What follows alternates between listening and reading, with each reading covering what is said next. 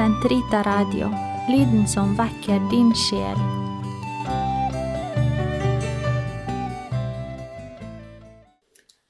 Den katolske kirkes katekisme, uke tre, lørdag, paragraf 1730 til 1738. Tredje artikkel Menneskets frihet. Gud skapte mennesket utrustet med fornuft og ga det verdighet som en person, i stand til selv å handle og styre sine handlinger. For Gud har villet overlate mennesket til dets egne beslutninger.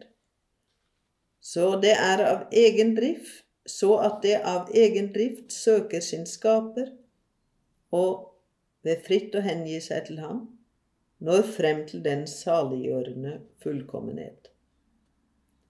Mennesket er fornuftig og derved lik Gud. Det er skapt fritt og herre over sine handlinger. Frihet og ansvar. Frihet er evne grunnfestet i fornuft og vilje til å handle eller ikke handle, til å gjøre dette eller noe annet, og slik foreta overlagte handlinger ut fra seg selv. I kraft av den frie vilje er hver enkelt herre over seg selv. Frihet er i mennesket en kraft til vekst og modning, i sannhet og godhet. Friheten når fullkommenhet når den er rettet mot Gud, vår salighet, som mål. Så lenge friheten ikke er endelig rettet mot sitt ypperste gode, som er Gud, innebærer den muligheten til å velge mellom det gode og det onde, altså mellom å vokse i fullkommenhet eller å feile og synde. Den anerkjenner menneskelige handlinger i egentlig forstand. Den blir kilde til ros eller klander, til fortjeneste eller skyld. Jo bedre vi handler, desto friere blir vi. Bare i det godes og rettferdighetens tjeneste finnes det sann frihet. Å velge ulydighet og det onde er misbruk av friheten, som fører til syndens trelldom. Frihet gjør at mennesket er ansvarlig for sine handlinger, i den mån de er frie. Å gjøre fremskritt i dyd i kjennskap til det gode og i asketse øker viljens herredømme over det den gjør. Tilregnelighet og ansvar for en handling kan minskes, ja, forsvinne ved uvitenhet, uaktsomhet, tvang, frykt, vanemessighet, overstadige følelser og andre psykiske og samfunnsbetingede faktorer. Enhver handling som er direkte villet, tilregnes den som utfører den.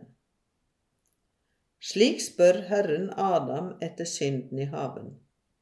Hva er det du har gjort? Og på samme måte spør han Kain.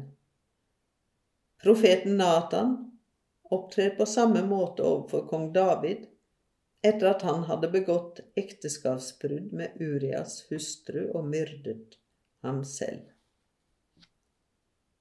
En handling kan være indirekte villet når den kommer av forsømmelse av noe man burde vite eller ha gjort, som for eksempel en ulykke på grunn av uvitenhet om trafikkreglene.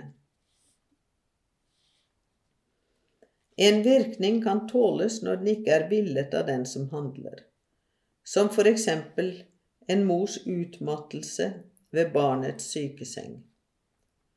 En skadelig virkning kan ikke tilregnes dersom den ikke var villet, verken som mål eller middel i handlingen, slik som den som dør under forsøket på å redde en som er i fare. For at skadevirkningen skulle, skal kunne tilregnes, må den ha vært forutsebar, og den som har utført den, må kunne være i stand til å unngå den slik som drap utført av en bilfører i drukken tilstand. Friheten utøves i samspillet mellom mennesker. Ethvert menneske skapt i Guds bilde, har en naturgitt rett til å bli anerkjent som et fritt og ansvarlig vesen. Alle skylder alle andre slik respekt.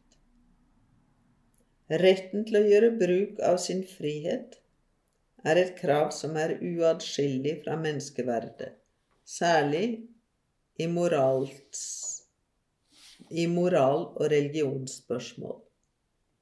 Denne retten må være anerkjent av staten og beskyttet med de begrensninger som settes av det felles gode og den offentlige orden.